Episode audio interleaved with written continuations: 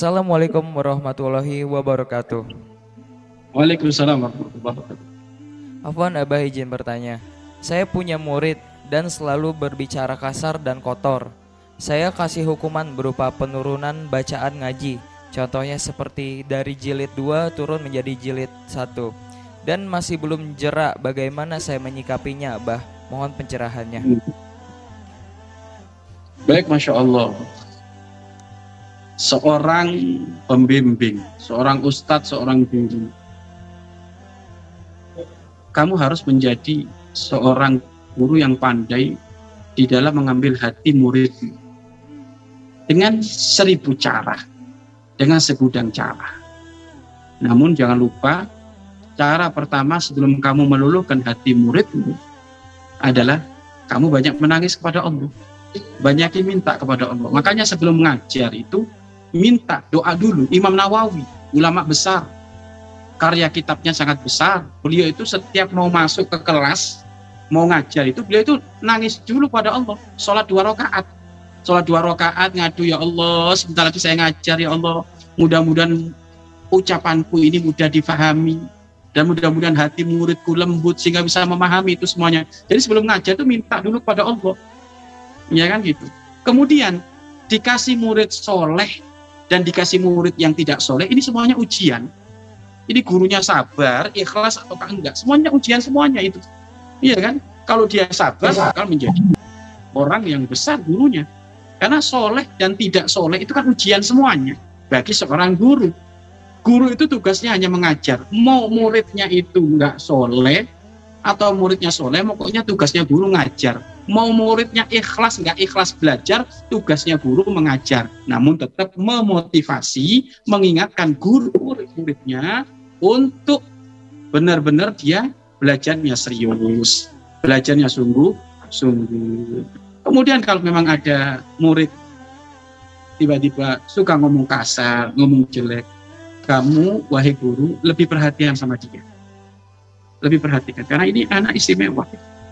Maksudnya akhlaknya kan jelek, harus lebih diperhatikan. Kalau ternyata ada ada anak tiba-tiba cukup dibilangi sekali aja nurut, itu juga istimewa. Tapi engkau tidak akan menguras tenagamu untuk mikir bagaimana bisa meluluhkan hatinya karena dia sudah baik. Tapi kalau ketemu yang jelek-jelek kayak gini ini perlu patut untuk di uh, untuk diperhatikan lebih. Apakah boleh kita memberi hukuman? Boleh, nggak masalah. Boleh, nggak masalah. Tapi tolong hukumannya yang mendidik. Hukumannya mendidik. Masih tetap nggak cerah, nggak apa-apa. Sampai nanti cerah kasih hukuman. Hukuman, hukuman, hukuman. Hukumannya yang mendidik. Ya kan? Tidak boleh dengan kekerasan, apa semuanya nggak boleh. Hukumannya mendidik. Kemudian sisi lain, hei seorang murid, seorang santri, hati-hati kamu. Jangan kamu bermacam-macam dengan gurumu. Kalau menjadi, kamu menjadikan gurumu hatinya berubah, seribu ilmu yang kamu hafal nggak akan manfaat.